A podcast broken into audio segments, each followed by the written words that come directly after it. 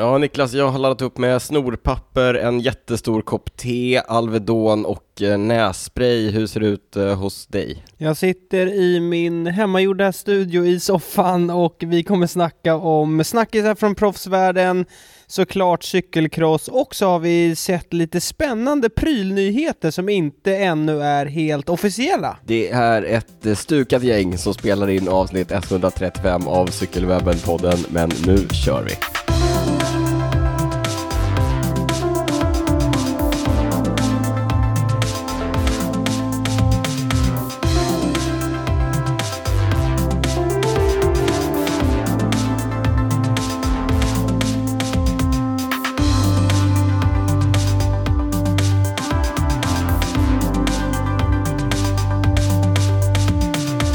Ja men varmt välkomna ska ni vara till eh, avsnitt 135 av Cykelwebben-podden med mig en eh, förkyld och Dan, Daniel Rytz och eh, på andra sidan tråden Niklas Hasslum. Ja, vi kör på distans idag. Jag, jag känner mig i och för sig frisk, men du känns...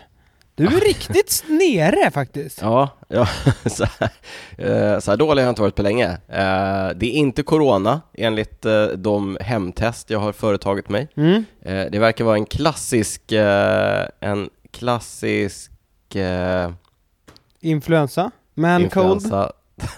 Tack. Du hör, det är snabb, jag är snabbtänkt idag också. Ja. Eh, riktig man cold. Jag har varit däckad i en vecka nästan. Men hoppas på bättring. Jag ska ut och resa. Jag ska ju iväg här om en stund. Ja. Inte en stund, om Men några du dagar. inte, Men- du är ju i alla fall inte ensam om att vara sjuk. Alltså i Nej. stort sett alla är ju sjuka. Exakt, jag trodde jag skulle klara mig, det gjorde jag inte. Eh, så jag har legat här i soffan i, ja men som jag sa, nästan en vecka. Ja. Men nu är det lite på bättringsvägen eller? Ja men lite på bättringsvägen. Jag tryckte i mig eh, ordentliga mängder Alvedon nu, Okej, ja. plockade ner febern lite. Eh, jag, jag får ju sån otrolig muskelvärk när jag är förkyld. Ja. Eh, så även nu. Eh, nässpray, min bästa vän. Eh, och en stor kopp te. ja. ja men det låter Ja. som en klassisk man code. Ja, nej det är inte toppen ska jag säga. Nej, men eh, vi är glada att du ändå orkar köra Vad en gör, podd. vad gör jag inte för, vad gör jag inte för dig och lyssnarna ja, Niklas? precis. Nej, men det är sällan vi har faktiskt ställt in. Ja, vi har väl aldrig ställt in ett ordinarie avsnitt. Vi skulle ju ha spelat in ett bonusavsnitt nu i, i veckan som var, men eh, där, där, det, nej, det fick vi Ja. inte till helt enkelt. Nej, Vi de har- ordinarie, de rör vi inte på. Nej, Jag tror come en, jag hell tror, fa- or high water. faktiskt så har vi, tror, jag tror vi flyttat på det en gång. Jag tror vi sköt fram det en dag någon gång. Då var du också Någon- sjuk, kan jag för mig. Ja, är det jag som ställer till det? Ja, det är dina man Ja. Ja, ja, jag tänkte på det. Kommer du ihåg den gången jag kraschade och bröt ett revben och spräckte njuren? Nej, Ja, men, kommer du inte ihåg? skoja, skoja. Ja. jo, jag kommer ihåg. Ja, kul. Men då, det ändrade, det, då släppte vi avsnitt. Ja, Då var jag riktigt borta alltså. Då var det, då var det mer än Alvedon i kroppen kan jag avslöja så här i efterhand.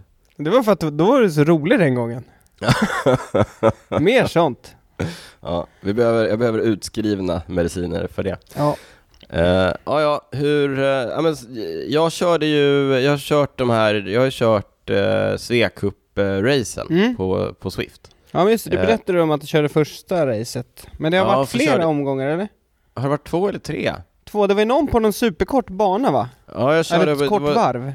Ja, ett kort varv. Jag körde den senaste i måndags då och sen på tisdagen blev jag dålig. Eh, det var ju på en av de här eh, kriteriumbanorna som finns i, Swift. GP-banor. En GP-bana, den är två kilometer lång och så var det spurt varje varv. Mm. Det var riktigt jobbigt. Det var jag sprint. Jag jag jag jag tog varje en enda, varv. Ja, jag tror inte jag tog en enda poäng. Eh, men jag satt med hem nästan i alla fall. Ja, det är bra. Nästan. Jag släppte ja, ja, på orkade inte Ja, klassiker. Vill inte, vill inte riskera att vurpa när det blir så Men det var tajt. faktiskt, det var sjukt hårt. Jag la upp några siffror där från, eh, från det racet. Det var så här sjukt höga normalized eh, power-siffror Ja, på, på det mycket, mycket igångdrag i kurvan eller? Ja, men så här mycket rulla och mycket igång, exakt, Ja. mycket igångdrag i Ja. kurvorna Niklas. Du kan det här med Swift. Ja men det är det jag menar, I- igångdrag i kurvorna, du släpper på upploppet för att du inte vill vara med och stöka i liksom exakt, spurten. exakt, exakt. Ja, det är så Ja. verkligt nu för tiden. Det är crit racing i, det är crit racing vet du. Ja, Ja. härligt. Hur går det själv med, jag har sett att du har, eh, du sitter ju där i en, någon skrubb Ja. ute, i radhuset. Ja, nej precis. Nej men jag, jag har ju byggt min, jag är ju alltid så när vi, kör, när vi kör ihop, då litar jag på att du tar ansvar för ljudet. Ja, Men när jag kör själv, då blir jag så supernoga med att jag ska bygga in mig, alltså bygga Ja. in mig i en eh, koja för att isolera ljudet och sådär. ja det gör du betydligt bättre än vad jag gör kan jag säga. Ja. Det, det är alltid, jag är alltid avundsjuk på ditt ljud när vi, när jag ska nej men annars är det väl, eh, förutom att jag sitter i en koja då, så är det väl helt okej. Nu har jag inte tränat på några dagar, men som, som vi sa här inledningsvis, jag är väl en av de som också drabbas av det där. eh, Jag har liksom inte blivit lika sjuk som du, men Nej. två eller tre gånger nu i, eh, ag- i augusti, eller säga. I Det är inte många som blir lika sjuka som jag. Nej det är sig sant. Nej men då har jag fått, du vet åkt på något så man känner att det är något som är på, på G liksom. Mm. Och så känner jag alltid såhär, nej det är inte värt att träna ifall det bryter ut då. Så då brukar alltid ta några dagars vila och så. Ja, Helt rätt. Helt rätt Niklas. ja så, Bet, det- säkra för, för Ja, osäkra. safety first, det är långt Safety kvar. first. Det är långt kvar till mina mål. Vilka nu det är. Vilka, exakt, har du några stora fiskar att steka Nej. i? Nej det har jag inte. Men du, en Nej. sak eh, jag tänkte på när jag satt och klurade lite på vad vi skulle snacka om idag var ju Mm. att senaste avsnittet, då sa vi att vi ville ju att folk skulle gå in och du vet, så här, ge ett betyg till podden. Ge betyg och kommentera i sin favoritpodcast-app. Ja, och jag har för mig... Har de gjort det? Ja, Jag har inte, jag har inte koll, jag har ju varit helt borta, jag har ju Ja. legat däckad. men jag har för mig också att vi sa att de som faktiskt lämnade en kommentar, de skulle namedroppas. Ja. Ja, och då har jag kollat här. Då har vi fått fyra kommentarer. Ja. Från Mjorten. Bästa Ja. cykelpodden på nätet. Bästa cykelpodden på nätet. Vad de kan. Hur kommer de ihåg allt? Briljant podd. Ska vi avslöja att vi har manus? Man kan skriva ner grejer. Ja. Avslöja inte för mycket nu. M. Alvin. Kanonpodd. En riktigt jädra trevlig kanonpodd.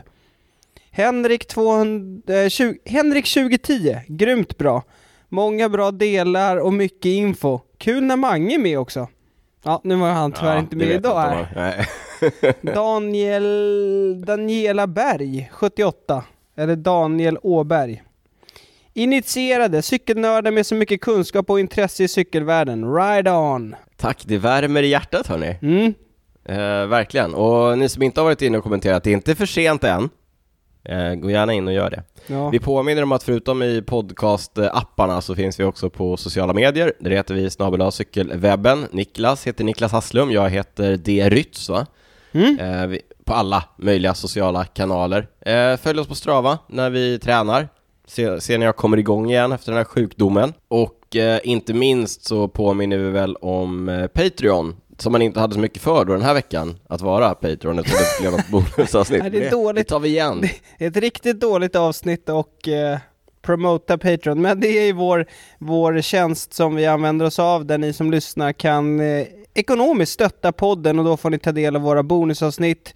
Eh, cykelwebben.se, där hittar ni länkar och allt ni behöver för att gå in på Patreon. Vi kan avslöja att det är patreon.com cykelwebbenpodden. Ni väljer själv hur mycket ni vill stötta oss med. Ni skriver in kortuppgifterna där. Superenkelt. Det dras en liten summa, alltså den summan ni väljer varje gång vi släpper ett ordinarie avsnitt. Nya patrons den här veckan. Per Gustafsson, Jim Karlsson och Anders Torstensson. Stort tack! Stort tack. Eh, det, det lät krångligt men det är ganska enkelt. Gå in på patreon.com cykelwebbenpodden, eh, läs hur man gör. Eh, jag har sagt det här innan, vill ni få in bonusavsnitten i er podcast-app, inom parentes, tyvärr inte Spotify, så hör av er på DM på Instagram så får ni hjälp av techsupporten, det vill säga jag. Innan vi drar igång och snackar vad som har hänt sen sist så tänkte jag att vi skulle skicka ett eh, krya på dig till eh, poddens kompis Nathalie Eklund. Ja, jag såg detta. Ja, eh, jag, grejen var att jag snackade med henne i veckan och kollade lite hur, hur läget var och så. Hon har ju Mm. varit på träningsläger med sitt nya lag. Eh, men hon berättade ju det när hon var med senast, att hon har ju problem med eh, samma sak som du har haft, som Tobbe Ludvigsson har haft, att en Ja. utav artärerna... Som Hanna Nilsson precis har opererat sig för. Ja, precis. Ja. Så ena artären är ju lite mindre, så hon har börjat rehabba för det. Och sen Mm. hade hon eh, också, jag tror hon hade kraschat när hon var på Gran Canaria och hade fått någon infektion och så, så att inte den bästa starten. Och sen nu då, så vad jag förstår så har hon vurpat, eller kraschat med pulka. Mm, livsfarligt. Eller om det var snowracet till och med, ännu farligare. Eh, Så vi, vi skickar eh, varma krya på dig hälsningar till Nathalie. Vi hoppas att säsongen fortsätter bättre än vad den har börjat för Nathalie. Ja, verkligen, verkligen. Det Ja. kan bara bli bättre. Så är det. Men på tal om eh, snö, för jag antar att snö var inblandat i den här pulkaåkningen. Nu sa du inte det, utan det var ett antagande från min sida. Oj, här. det kan vi nog faktiskt anta. Ja, eh, det har ju gått världscup i cykelcross på snö i eh, italienska Val di Sole, precis som förra året och eh, i år blev det riktigt eh, knepiga förhållanden. Ja, men det verkar ju som att det var lite plusgrader dagen innan va? Att det var lite Ja. mer snömodd-liknande och sen så liksom frös det på till, till eh, tävlingsdagen. Ja, och blev riktigt, eh, ja, riktigt eh, isigt Ja. och eh, förrädiskt. Eh, jag vet inte vad jag tycker om den där tävlingen. Vad, vad tyck, jag, eller så här, jag tycker inte att den är så kul att kolla på, helt ärligt. Nej, jag håller väl med egentligen faktiskt. Eh, Det känns krystat. Man Ja. kan säga att anle anledningen till att de kör den där i Val di Sole på snö, det är ju för att det finns någon idé om att de skulle kunna med ett ganska stort skohorn klämma in cykelcross som en eh, vinterolympisk idrott. Ja, precis. Och då är det, det måste väl vara, ba, jag tror att det är banan som måste vara täckt av snö, alltså ett visst antal procent och så här. Så att det är väl, Ja. som du säger, det är väl ett första steg i att börja plantera den idén liksom. Ja, Eh, Men sen håller vi, ja, jag håller med dig som du säger, det är ju verkligen inte en av de tävlingarna man ser fram emot. Då finns det ju Nej. betydligt många andra roligare tävlingar verkligen. på, på liksom, i cykelcrosskalendern. Men också, alltså nu såg vi det, det är, alltså, det är mycket vurper, framförallt när det blir så här isigt underlag. Alltså det är vurper, det känns som att det är vissa som går in för andra är lite mer, ja, rullar igenom det känns det väl kanske lite som. Eh, Vi såg väl både Eli Iserbit och Fem van Empel som fick bäras av banan båda två. Ja, precis. Eh, inte, inte en eh, speciellt betungande uppgift för den som var tvungen att nej, sköta de, själva nej, bärandet de är inte av någon varken, varken långa eller väger mycket. Pyttesmå båda två. Mm. Eh, men, eh, och det såg ganska allvarligt ut, men ingen av dem verkar ha brutit någonting i alla Nej. fall. Kan jag säga att eh, Michael van Torenhout och eh, Puck Peters eh, vann sina, de respektive tävlingarna. Mathieu van der Poel var den enda av de tre stora kanonerna som var där. Eh, han gjorde inget intryck du. Nej, han såg... Eh, men grejen var, jag läste det, han, de hade ju sagt innan i hans camp att han inte skulle ta några risker. Nej. Eh, då kan man lite undra varför var han där liksom? Alltså, Kaching! ja. Men ja, Ka- Jo. Kaching! Delvis. Startpengar. delvis startpengar. Ja. Även om, de, även om det officiellt inte förekommer några startpengar på... Det, alltså cykelcross-cirkusen är ju sådan att väldigt stor del av ekonomin handlar om startpengar för de stora stjärnorna. Mm. Eh, men det är ju för de här mindre, vad ska man kalla det, privata tävlingarna eh, där UCIs världscup ska vara eh, undantagen. Det Mm. tror jag inte för en sekund att nej, den är. Nej, så kan det vara. Det här var ju en världscuptävling, det kanske du sa. Ja. Ja, eh, på tal om att det var halt och isigt och sådär, vi fick en fråga ifrån en av våra lyssnare, eh, Johan, på, Brav- på Bravur, Klock, eh, Klock-Johan. Mm. Eh, han undrar om man får köra med dubbdäck, och det får man inte. Nej, det får man inte. Men sen är frågan om Eh. någon hade gjort det ändå, det är ju riktigt tungrullat. Ja, det finns någon gammal video, jag ska se om jag kan leta upp den på Sven Näs, du vet eh, Tibors farsa. Eh, när han kör eh, med några så här Dugast specialgjorda dubbdäck på eh, en sån, eh, en skridskoring. Mhm. Eh, ser riktigt eh, sjukt ut. Den är jätte, jättegammal. Se om jag lyckas hitta den. Lägger vi upp den på cykelwebben.se i så fall. Ja. Men, eh, ja, jag håller, jag håller väl med. Det, det vore kul att se det som en, som en OS-sport, eh, liksom vinter-OS, men själva Nej. tävlingen i sig, nah. Nej. Men du, på tal om eh, cross, vi är ju inne i en av de absolut mest intensiva crossperioderna nu runt eh, jul och eh, nyår. Dagen innan julafton så gick den första av de här jultävlingarna i Mol, va? Mol? Silvermer Cross har jag för mig att det heter va? Ja, där de då kör på, på kvällen, i skymningen. Mm. under lampor. Wout van Aert visade ställskåp, Ja, säga. han körde ifrån Mattias som inte alls hade någon bra dag sa han.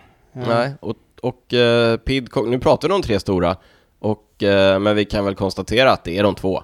Det är de Eh, två. Tom Pidcock har inte riktigt inte kraften att sätta emot de eh, två andra. Nej, och sen på damsidan var ju Lucinda Brandt tillbaka men hon kunde inte sätta emot något när Shirin van Androy, alltså hennes eh, lagkamrat, Nej.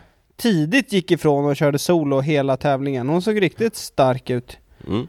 Eh, söndag idag, måndag imorgon, då är det dags, ja det är ju igår när ni lyssnar, Mm. så hjälper det inte så mycket, men då är det dags för eh, nästa race Sen, eh, sen redan. kommer de eh, tätt nästan varje dag där i mellandagarna. Perfekt, har jag något att göra när jag ligger här på soffan och eh, förhoppningsvis blir lite friskare.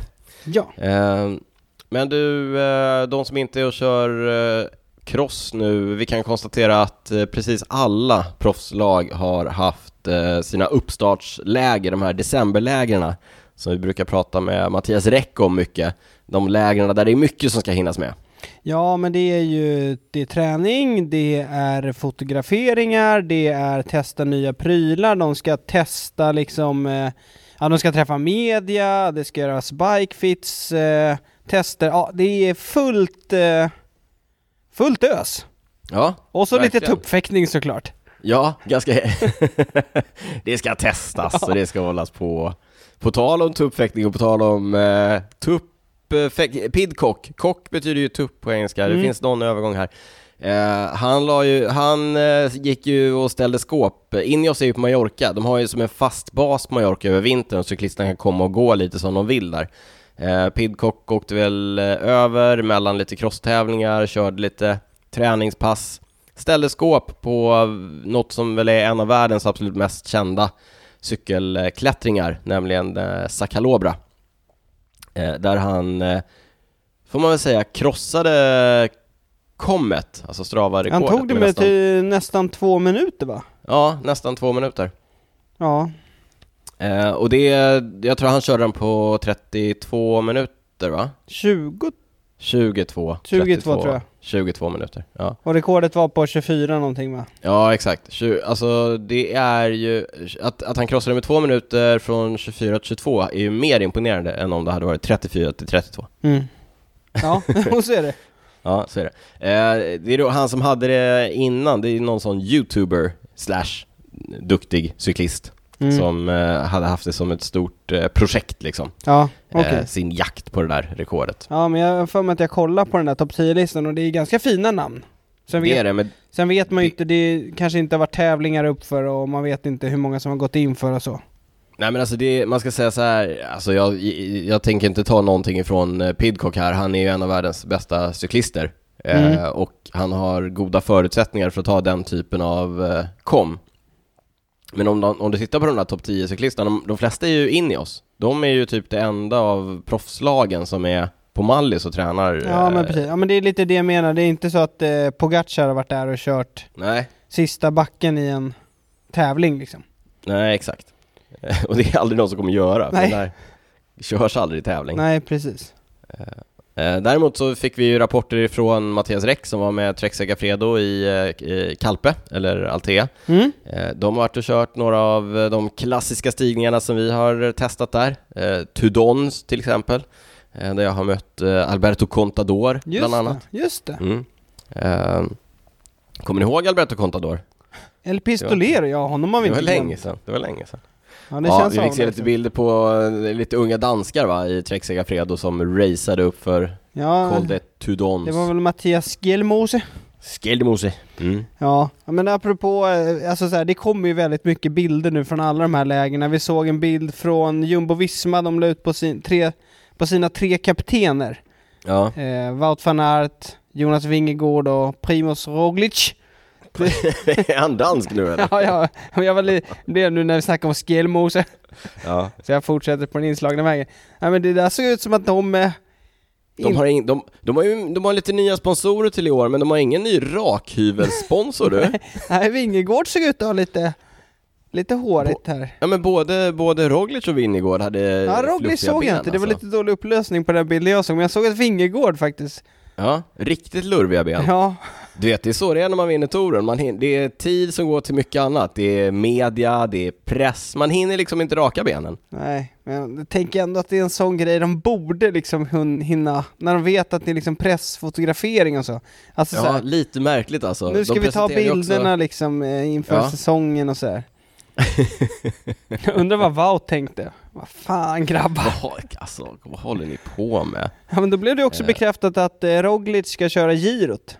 Såg Ja. du det?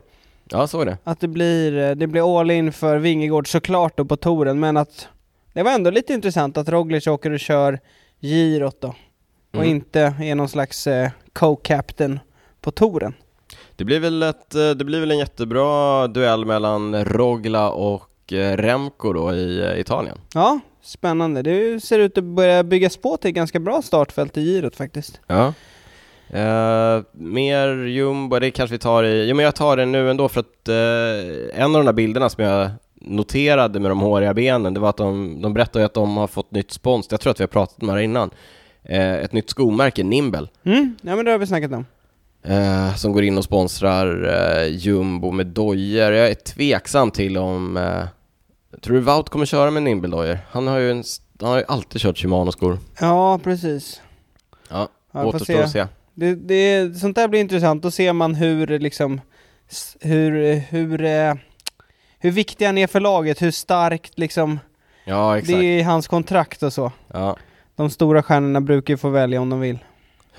Eh, vi pratade för några avsnitt sedan om eh, bröderna Lukas och Jakob Eriksson eh, och rykten eh, som då gjorde gällande att de har signat för det schweiziska Tudor-stallet.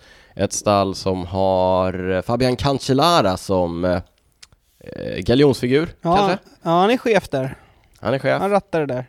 Eh, nu har vi fått det bekräftat. Eh, Tudor gick ut med sin eh, laguppställning. De har eh, värvat ganska friskt. Några, de har plockat upp lite eh, rutinerade proffs som kanske, ja men, vad ska man säga, går in i en sån här road captain-roll. Ja, men eh, Simon Pelot bland annat va? Ja, Reichenbach va? Ja, Sebastian Reichenbach Mm. som eh, kör ut för sämre än... Eh, vem, vem, var, vem var det som sa det? Han kör sämre än min mormor utför, eller vem, vem var det som sa det? Nu kommer jag inte ihåg.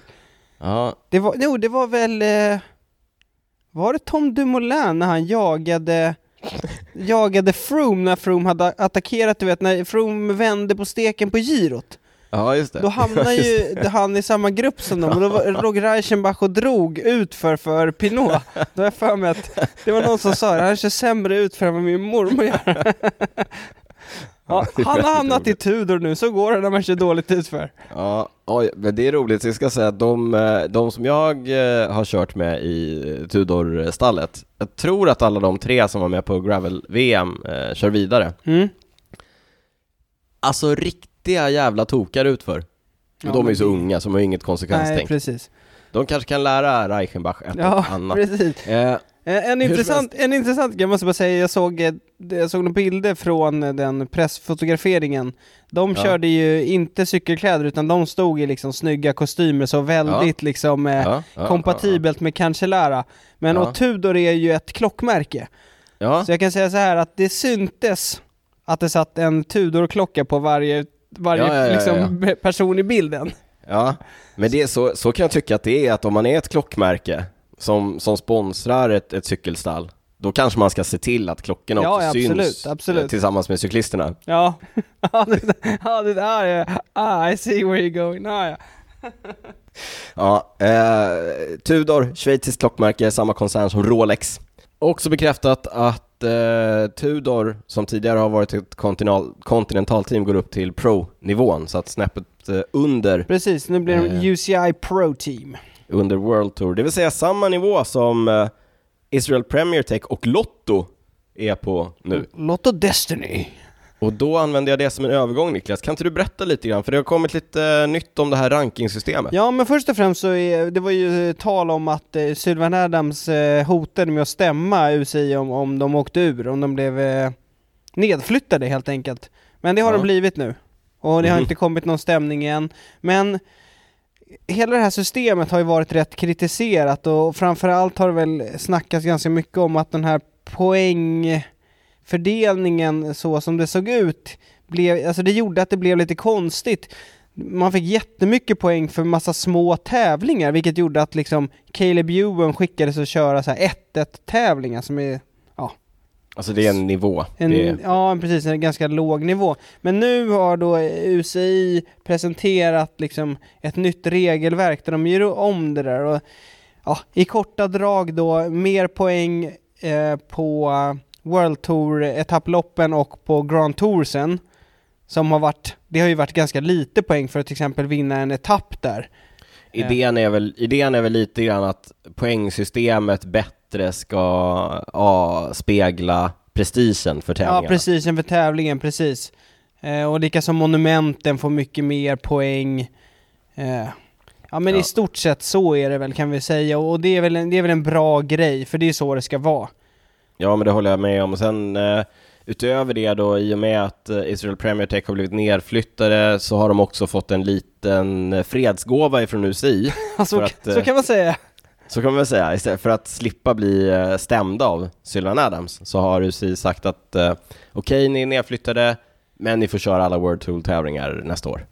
Ja, precis. Utom. Förutom eh, Grand Toursen.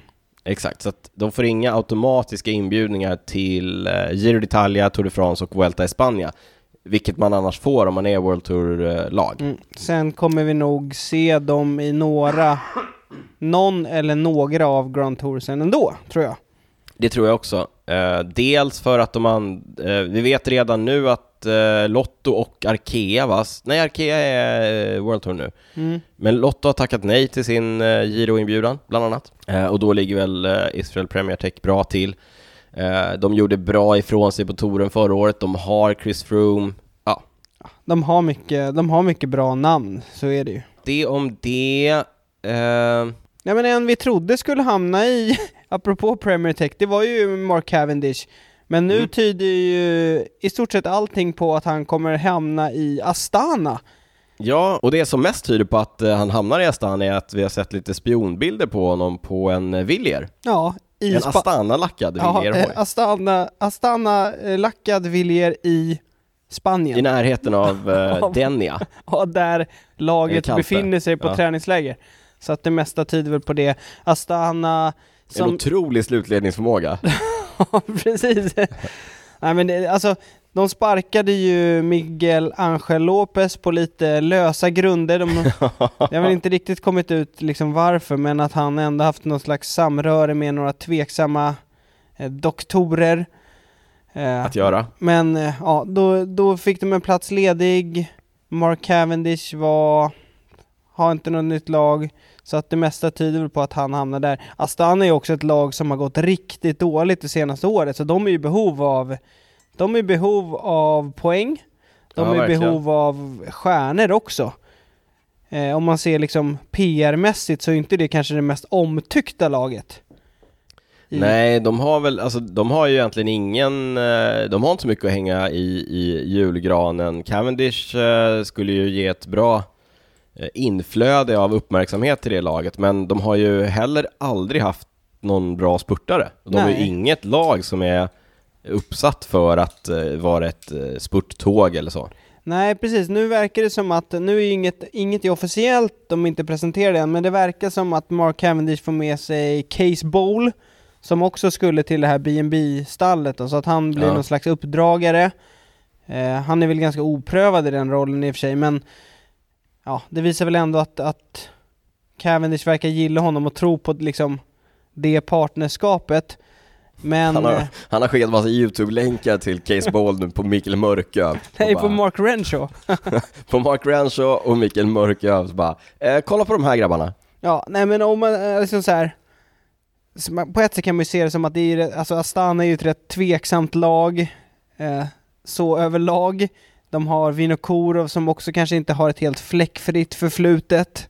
Eh, samtidigt, Mark Cavendish, han vill ju så gärna liksom slå det här rekordet på touren. Han hamnar i Astana som dels behöver poäng, men också liksom, de, det är ju 100% om han är i form så kommer han åka på touren. Alltså de, Ja, ja. har, de, har ju, de åker ju dit för att liksom, men jaga alltså, etappsegrar. oavsett, oavsett var Cavendish signar eh, så har han garanterat en plats. Han, alltså det har, han- det har han skrivit in i sitt kontrakt. ja, Garanterat. Exakt. Men du, en, nu tänkte jag på det, det är ju bara Nairo Quintana kvar nu egentligen, om det blir nu klart då att, eh, Ja, att um, Cavendish hamnar där. Men jag läste faktiskt en intressant en grej där om eh, Quintana. Det är Lance Armstrongs gamla manager Johan Brynell. ja, Han gick ut och sa att han hade hört att ASO hade gått ut till alla lag och sagt att de som signar Nairo är inte välkomna att köra touren nästa år. oj. Ja, nu vet, nu vet man inte om det ligger någon liksom substans i det där. Nej Men- men, eh, du vet vad vi brukar säga? No, Ingen rök utan eld. no smoke without a fire. Exakt så. Nairo som eh, testade positivt för tramadol två gånger förra året. Ja. Men han är liksom inte avstängd, vilket är, ja. Du, vi hoppar vidare och hoppar tillbaka. Kommer du ihåg den här sjuka grejen som eh, Mathieu van der Poel var med om under eh, VM i Australien? Ja, på natten då så ska han, eh, det ska ha varit några som har tjuvknackat, några unga tjejer ska ha tjuvknackat på hans hotellrumsdörr. Ja. Där, han, där han hade gått och lagt sig tidigt med sin tjej för Ja. att vara, vara pigg till eh, landsvägsloppet. Hade han inget för? Nej, för han hade, de var på och knacka, han hade sagt till dem några gånger snällt och sen till slut ska han enligt då liksom ryktena här, Och det som har kommit ut. Ja, och vid, ja, någon, Ja. någon knackig videorulle. Men han ska ha lackat ut till slut och jagat in dem på sitt rum och sagt åt dem eller? Ja, ja. Sagt åt... Ja. Någon Alltså, ska, han ska hur- också ha hållit någon i armen vad jag förstår. Ja, de tog honom till polisstationen där han fick spendera hela natten. Eh, Mm. Och han startade ju VM, men han bröt ju efter en timme för han var ju helt knäckt av det där. Eh, både sömnbrist men också en, en, ett rätt påtagligt eh, stresspåslag kan man gissa.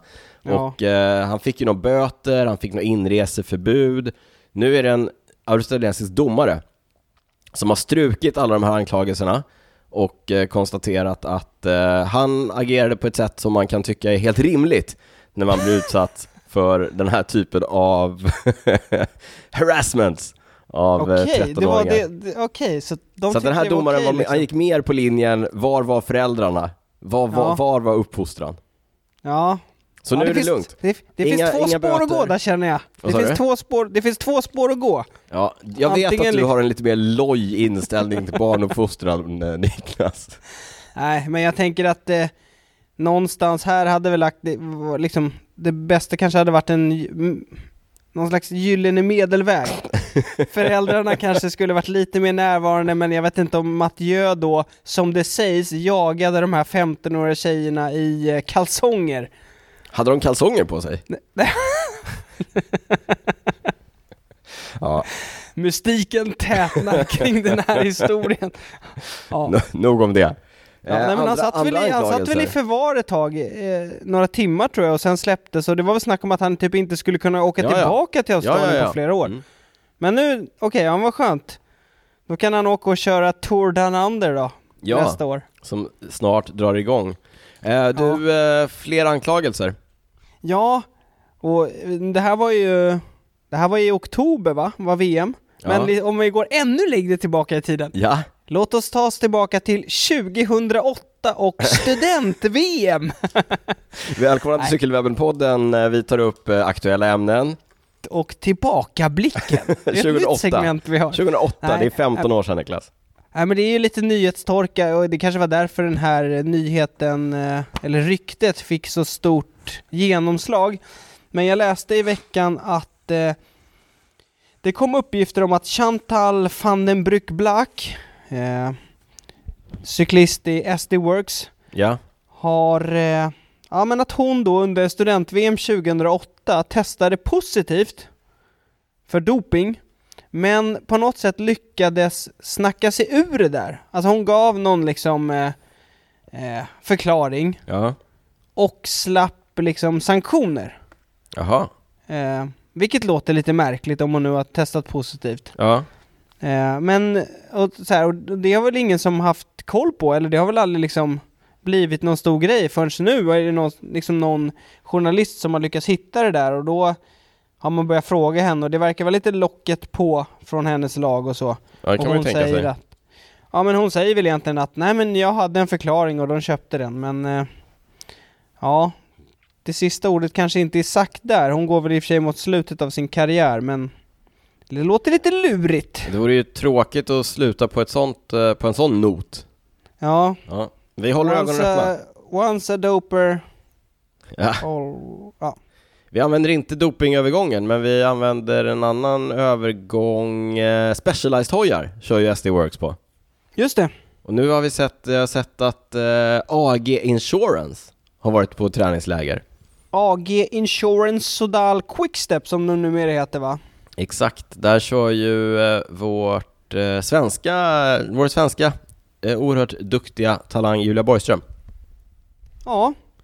Hon är ju så duktig så att hon har ju till och med kommit med i SOK, alltså Sveriges Olympiska Kommittés topp och talangprogram, vilket Ja. innebär att man får, ja det är väl massa saker, man får rådgivning, man får ekonomisk stöd och massa annat. Mm. Men det är kul. Ja, kul. Ger eh, Julia en eh, bättre möjlighet att eh, satsa mot eh, världseliten eh, på ännu bättre villkor. Eh, men du, det här AG Insurance som hon har kört i tidigare, de har ju nu då på något sätt gått, alltså det finns någon koppling till vår favorit lagägare där, Patrik Lefebvre. Patrick Lefebvre. Eh, och därav kopplingen till, eh, till Specialized och en hel del andra sponsorer. Alltså jag Eh. tror det är så att han är, han är med och äger det här AG Insurance har jag för mig. Ja, okej, är det så? Mm. Ja, jag, jag är inte hundra, men jag tror det. Mm. Eh, nej men som du säger, precis, de, de kommer köpa Specialized hojar i år, alltså kopplingen till, till Quickstep eh, Sodal, eller Sodal Quickstep då blir supertydlig. Dels att namnet, de har med sig namnet, de köper Specialized hojar, de har i stort sett en identisk design på sina kit också. Ja, Och det har de ju inte haft innan och de körde väl förra året, körde de på Pinarello-hojar tror Pinarello. Precis, men sen är det lite andra nyheter kring det där laget, alltså kring Julias lag, Servais Knaven. Mm. som vi snackar om lite titt som tätt. Han lämnar och blir ny, han lämnar in i oss efter 12 år, blir ny sports manager i AG Insurance. Ja. Han, alltså, hans familj tar över laget kan man säga. För hans fru, Natasha von Auden, hon är redan team manager i laget. Ja. Hon är före detta holländsk CX-mästare. ja. Så, men inte nog med att hans fru är med, då har han, deras tre döttrar kör också i laget. Tre. Näst, tre döttrar. Jag vet att förra året körde väl Britt Britt. Knaven. Ja. Mm. Men nu kommer även Mirre och Senne Knaven också köra där. Oj, oj, oj. Ja. Men du, jag ska säga att det här är ett avbräck för, eh, eller det är ju en fantastisk värvning för det här, för AG Insurance-stallet med Knaven som sportsmanager. Han är otroligt rutinerad. Han har ju vunnit eh, Paris-Roubaix själv. Mm. Han har varit eh, en av de viktiga sportdirektörerna för Ineos för, på vårklassikerna. Eh, vet att han är omtyckt och eh, uppskattad där. Så att, eh, ja, kul! Ja, men det är väl bra. Och sen, de har ju satsat, de är fortfarande på, liksom, de är inte på allra högsta nivån, utan de är fortfarande continental nivå. Mm. Men de har ju väl värvat Ashley Moolman Passio, bland annat. Ja, nej, de, Och sen vet jag, vet jag också att de har ju värvat Julian Dore. de alltså kommer nog eh, synas på de eh, belgisk största tävlingarna sporty- känns det Ja, som. men hon, är, hon ska vara sportire. Ja, hon lägger av. Ja, Ja, precis. Men eh, Ashley Moolman Passio, hon är väl före detta Swift-världsmästare? det är hon. Sydafrikanskan. Mm. Ja. Ja, nej, men kul för Julia. Det känns som att det blir, eh, de tar steg laget och det är Ja. perfekt för henne. Vi fortsätter med lite mer svenska nyheter förutom Julia. SM har gått på bana i eh, Falun. Så nej, för i Jo. Falun! Ja, det är vår enda velodrom. Eh, De får är- mycket, mycket det- mästerskap på bana. Den är ju för kort så att säga, men, men ett SM är ett SM. Eh, och då vet ni vad vi gör, då läser vi upp de eh, nya svenska mästarna. Så här kommer de på tidslopp och då kör man som senior en kilometer och eh, senior och junior en kilometer. 15-16 kör nog 500 meter. Här senior, Kristoffer Eriksson, IF Mantra. Eh, para tandem, Jörgen Gustafsson, Långared. Para racer, Daniel Strandberg. Här junior, eh, Neo Viking, Södertälje, kompis till podden. Eh, damer 15-16, Greta Andersson. Pojkar 15-16, Love Sylvan, Älvsjö BMX-klubb. Love, eh, han har ju varit svensk mästare på BMX också. Ja, han är Vi gillar ju såna här crossover-atleter. crossover-cyklist, just det. Ja. Kul. Eh, poänglopp. Eh, herr senior, Gustav Johansson. Herr junior, Neo Viking. 15-16, Alice Johansson, Wilmer Ekman. Herr sprint, herr senior, Kristoffer Eriksson. Herr junior, Neo Viking. Vi- Neo hade en bra eh, SM-helg känns det som. Ja, Kristoffer Eriksson också. Ja. Eh, 15-16, Greta Andersson Ja, också. hon med. Eh, och eh, Oskar Marvig. Förföljelselopp, Kristoffer Eriksson. Bra eh, Vilken kanonhelg! Snacka om att toppa formen. Eh, Paratandem, Jörgen Gustafsson, Räser, Daniel Strandberg, herr junior, Sebastian Pettersson, flickor 15-16, Alice Johansson, herrar 15-16, Wilmer Ekman. Kul. Länge sedan jag körde velodrom alltså. Borde kanske putsa upp de eh, skillsen. Skillsen. Mm. Mm. Du, eh, är det dags att hoppa över i prylsvepet kanske? Vi hoppar in i prylsvepet. Eh, jag, har, jag testade ju elstrumpor förra gången. Jag har inte kunnat, jag har kört dem lite till sen dess. Eh, jag har också pratat lite grann med eh, leverantörerna, Bucken. Eh, som, jag tror att de har uppdaterat sina skötselinstruktioner baserat på vår input. Eller baserat, Mhm. Ja, jag tror att, nu har jag faktiskt inte varit inne och kollat, men om ni är sugna på ett par, gå in på bucken.se, eh, kolla, eh, jag tror att de eh, numera säger att man kan, att man får maskintvätta dem, jag är inte hundra. Hur många grader? Ja men det är nog 30 kanske. Ja. Ja. Eh, men, men nu har jag liksom, jag har lärt mig hur man ska ställa in dem. Jag, för att verkligen få ut det mesta av det. Okej, du vet vad du sätter på dem nu eller? Ja, exakt. De här kan ju bli varma! Vilken grej! Ja, nej, både länsstrumporna och eh, buckelstrumporna måste jag säga att jag är imponerad av. De, hade jag varit frisk, då hade de varit en lifesaver Niklas, i, den här, i det här eh, vädret som vi har just nu. Jag trodde du menade i studion, för det brukar göra rätt kallt hemma också. Ja, det är i och för sig sant, men eh, så kallt har jag det inte, har jag det inte riktigt. Men du, när jag testade de här strumporna, då gjorde jag ju det, eh, jag tror jag nämnde det kort förra gången, i ett par nya vinterskor ifrån eh, Giro. De har ju, det är ju samma importör som eh, länsstrumporna. Ja, men det sa du ju. Det var de som hade, det såg ut som att de hade ett överdrag på sig liksom. Exakt, det är som en innersko och sen som ett inbyggt skoöverdrag med Mm. dragkedja fram på liksom. Så att det är en innersko som man drar åt med en sån här snabbsnörning med, jag vet inte vad man ska likna det vid. Om man har haft ett par till exempel Salomon traildojor. Ja, men det är lite som ett par så här äh, typ skidpjäxor liksom. Ja, Alltså, alltså, det är ja. snöre men med snabbfäste liksom. Mhm, ja. En litet lås på. ja. Eh, Så de, eh, det sitter i liksom och sen eh, som du säger, ett, som ett skoöverdrag men som sitter fast på, på skon. Eh, De eh, väg, jag tror de väger typ, ja, väger, vem bryr sig om det? Det är vinterskor. De är inte supersmidiga, det är vinterskor. Eh, rekommenderat utpris strax över 2000 kronor. Eh, jag googlade här på eftermiddagen. Eh, jag tror man kan hitta dem billigare på nätet. Eh, de, jag tycker de, eh, på, de ser lite klumpiga ut för det är vinterskor. Men de känns inte så klumpiga på foten. Eh, det som också jag tycker är bra med dem är att de går ganska högt upp på, på benet. Ja. Och det där överdraget är ju också helt vind och vattentätt. Så att man håller sig ordentligt torr ja, man behöver, det, det kan ju annars vara ett litet problem att man om man har ett par vinterskor ska man försöka få på sig något överdrag över. De Ja. är ju alltid lite klumpigare, då blir det mäckigt att försöka hitta något som sitter bra över, som, Ja, är- som ens går på över. Mm.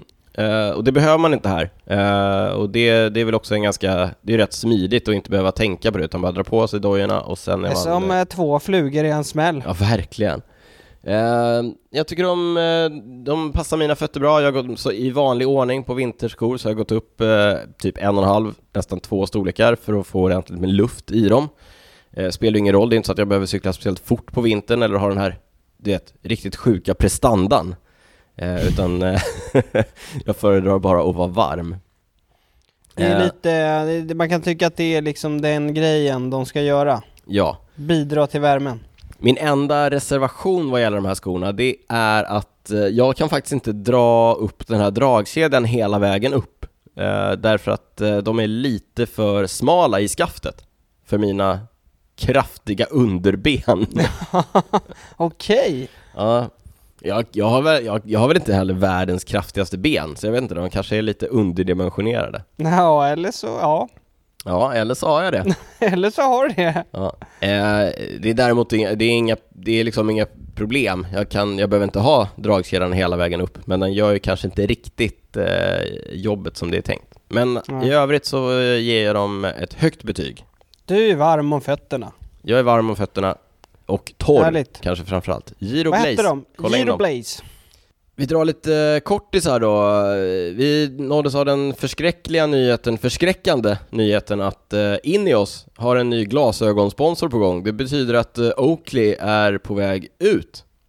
Ja, de kommer byta till eh, Sungood, eller Sungod. Sun God, Niklas. Sungod. Sun God. Jag hade faktiskt aldrig hört talas om den där innan. Nej, det hade faktiskt inte jag heller. Det kanske är ett underbetyg till oss som har eh, prylsvepet. Men det är ett brittiskt, eh, ganska nystartat glasögonföretag som har fattat att vill man komma någonstans i den här världen, då måste man sponsra ett stort lag. Så de bara, vi tar det största. Eh, Ja, men lite så. det här är ju också, det är också roligt därför att Ineos Sky har alltid varit sponsrad av Oakley. Några av cyklisterna har verkligen ett utmärka, en utmärkande relation till sina eh, solglasögon. Ja men dels har ju Bernal ofta kört med de här Sutro, Kwiatkowski har väl alltid kört med Jawbreakers. Jawbreaker och sen framförallt då som jag tänker att du tänker på eh, Geraint Thomas som ge, under alla år har kört med eh, Racing Jacket heter de va? De heter Racing Jackets, de hette Jawbones när de kom. Ja, Jawbones kom precis. Ja. Eh, och de finns väl inte... Ah, det är Nej, de gör- inga, de gör det är ingen som kör med dem. Nej. Eh, Men han, han, har, han gjorde någon, något enstaka år gjorde han, jag har för mig att han hade några andra bara någon gång. men han, han kör också Jawbreakers ibland. Han körde någon etapp på touren i år så körde han eh, dem. Hur som helst, eh, det är ett minne blott. Nu kommer de att köra i Sandgad-briller. Det är ju så kul för att han är så otroligt förknippad med de där brillorna Ja. också. Att, du vet så här, internet har ju gått eh, liksom bananas på. Verkligen. Ja, det ska bli spännande att se vad som händer där eh, och hur det kommer mottas av cyklister och så vidare. Eh, Det kommer vi få se efter nyår. Eh, Det landade en, en eh, pressrelease här ifrån eh, franska Julbo. Julbo. Jules Bon? Eh, som är ett klassiskt eh, solglasögonmärke i eh, kanske framförallt alpina sammanhang. Eh, men de har sedan några år också rört sig in mot cykelvärlden. Nu gör de en eh, storsatsning och har gått in som hjälm och glasögonsponsor till FDJ bland annat. Mhm. Thibaut Eh. Pinot, David Gaudy, Stefan. King.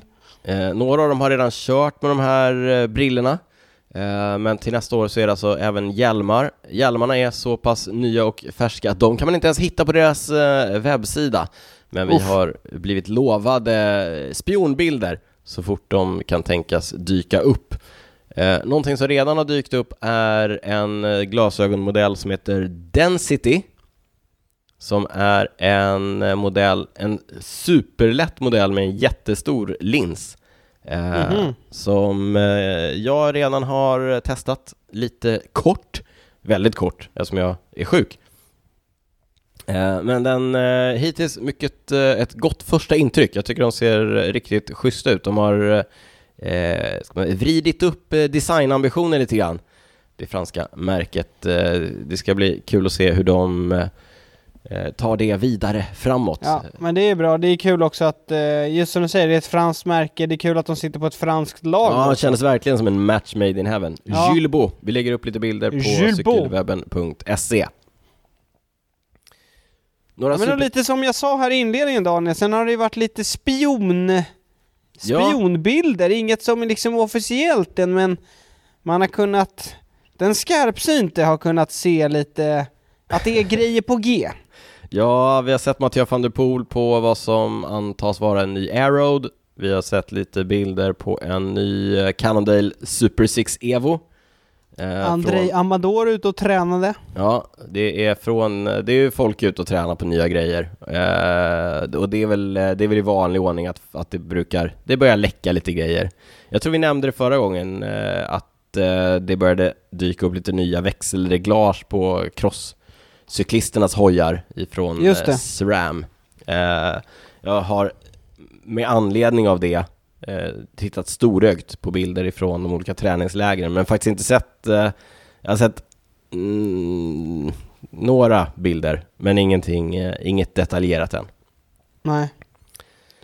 Jag tror att det var det på prylfronten.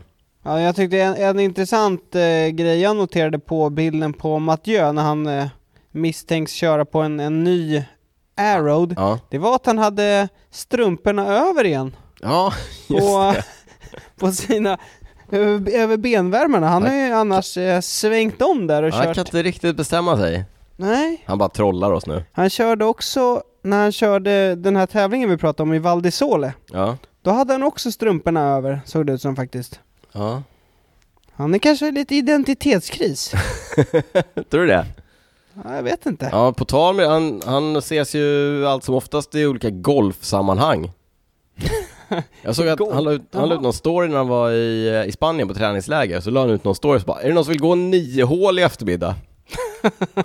Man bara, okej. Han är ju rätt skön alltså. Ja, får man nog säga. Eh, du, det var nog det vi hade i eh, form av avsnitt 135. Vi påminner om att eh, följa oss på sociala kanaler. Vi påminner om att gå in och ge oss ett betyg och kanske en kommentar på eh, er favoritpodcast-app och eh, inte minst gå in på patreon.com cykelwebbenpodden och eh, stötta podden eh, med en liten slant varje gång vi släpper ett avsnitt så kan vi fortsätta hålla på med det här Just det i uh, in sickness and in health tydligen. Ja, eh, tack för att ni har stått ut med det här eh, lite snuviga, täppta versionen av mig, Niklas Hasslum. Du har låtit betydligt piggare än vad jag har gjort under ja vad härligt. Mm. Du, innan vi tackar för det här och önskar god fortsättning så frågar vi väl varandra som vi brukar. Vad har du inte kunnat släppa? Ja, jag tänkte faktiskt eh, för en gång skulle liksom hoppa ifrån lite eh, liksom cykeltemat. Mm? Det är ändå från Frankrike. Och det har ju ändå ganska tydlig cykelkoppling. Ja. Men jag läste en så rolig nyhet som jag bara, jag vill bara berätta den här nyheten. För jag tycker det här är så himla roligt. Eh, det Ja. kom en nyhet från Frankrike för häromveckan. Eh, en man kom in till akuten med en bomb från första världskriget i anus. Niklas. Va? Nick. Ja, men och sen så utrymdes hela mottagningen såklart. Det, men det visade sig att det var en 88-årig man som hade sprängämnen från första världskriget i anus som hade sökt sju, eh, liksom, sjukvård på sjukhuset. Och när sjukhuspersonalen uppfattade det här faran då Mm. så tillkallades polis och eh, akutmottagningen fick evakueras i två och en halv timme och det kom bombexperter och allt. Men de kunde konstatera att det var ingen fara för allmänheten och det visade sig att det var ett eh, samlarföremål från första världskriget som användes av den franska militären. Det här är uppgifter från en talesperson från eh, sjukhuset. Eh, mannen då tros ha fört in föremålet för att tillfredsställa sig sexuellt Niklas. enligt, enligt New York Niklas. Post. Det här är inte mina ord Daniel. Eh, en av läkarna sa också att ovanliga föremål ibland hittas på platser inom citationstecken där de inte hör hemma men att det här fallet då saknar motstycke. Men Daniel och alla ni andra som lyssnar där ute, enligt sjukhuset är mannen nu vid god hälsa och förväntas bli helt återställd. Men jag har inte kunnat släppa den här historien, jag tycker att den är helt fantastisk. Jag är mållös. Vi har, vi har barn som lyssnar på den här podden Niklas. Ja, ja. det här är, Daniel, det är inget barnförbjudet, det här stod på Aftonbladet. Ja, hela Aftonbladet borde vara barnförbjudet. Ja, nej, det händer mycket i världen nu Daniel. Ja. Vad har du inte kunnat släppa? Eh, jo men du, det här, eh, jag har ju, eh, jag kör ju en del Swift. Ja, det gör du. Ja. Eh, dels har jag inte kunnat, ja men det här då, jag har inte kunnat släppa min trainer till förmån för mina älskade rullar. Nu kör jag, jag har liksom fram till, alltså eftersom jag är så omotiverad så kör jag bara Swift och Swift Race för det är så eh, självmotiverande så att säga. Ja, man vill inte bli avhängd. Nej, det vill man inte och, och rullarna är, de bara står och dammar nu. Men jag har sagt det till mig själv, efter nyår, då är det rullarna igen. Men det jag skulle säga det var att så här, i år har jag ju gått med i ett lag. Så att jag kör ju med Ja, ett, just ett eh, Swift-lag som heter Swedish Outbreaks. My- mycket trevligt, väldigt eh, kul att liksom göra det med andra. Ja, Eh. coolt namn också. det också. Men vet du, alltså det som, det som eh, fascinerar mig i det här, jag har ju ändå kört Swift i ganska många år Mm. och liksom hållit på och tävlat och lite så här och eh, åkt fast för, för fusk och, och Just grejer. det, just det ja. Ja, det är roligt. Okej, Vandenbrück Black. Med locket på, locket Ja. på. Ja. Eh, men i och med att jag har gått med i det här laget och liksom kommit in i den här världen så, så har en, eller rättare sagt, då har en värld öppnats för mig som jag liksom inte riktigt har varit medveten om tidigare. Nähä? Där, På vilket sätt menar du? är, Vad sa du? På vilket sätt menar du att du Nej inte har varit det här är, om det, det är liksom en egen sport. Det har, ju, det har jag ju fattat. Men du vet att det, det är ganska många som verkligen är insatta i det här. Och det är en hel värld där, där man liksom eh, pratar om det på, på ett eh, helt annat sätt än man gör om man inte är insatt i det. Om jag då ska Mm. vara lite allvarlig och knyta tillbaka till det här med mitt fusk som jag åkte dit för, kommer du ihåg det? Sticky Ja. Watts-grejen. Just det. Eh, därför att det var många som så här, eller många, några hörde av sig till mig och var så här, eh, typ, ja, ah, eh, visst att du inte fattade att du fuskade typ. Men det gjorde Jaha, jag inte. Men, ja. Det gjorde jag inte. Men om man är en del det- av den här världen, då Mm. är det ju helt orimligt att man inte fattar det. Därför att så här, Ja. alla har koll på sånt här i den, Ja. i den här världen. Men, Det var men, bara du. Det låter ju som en av alla som åker fast för doping Daniel.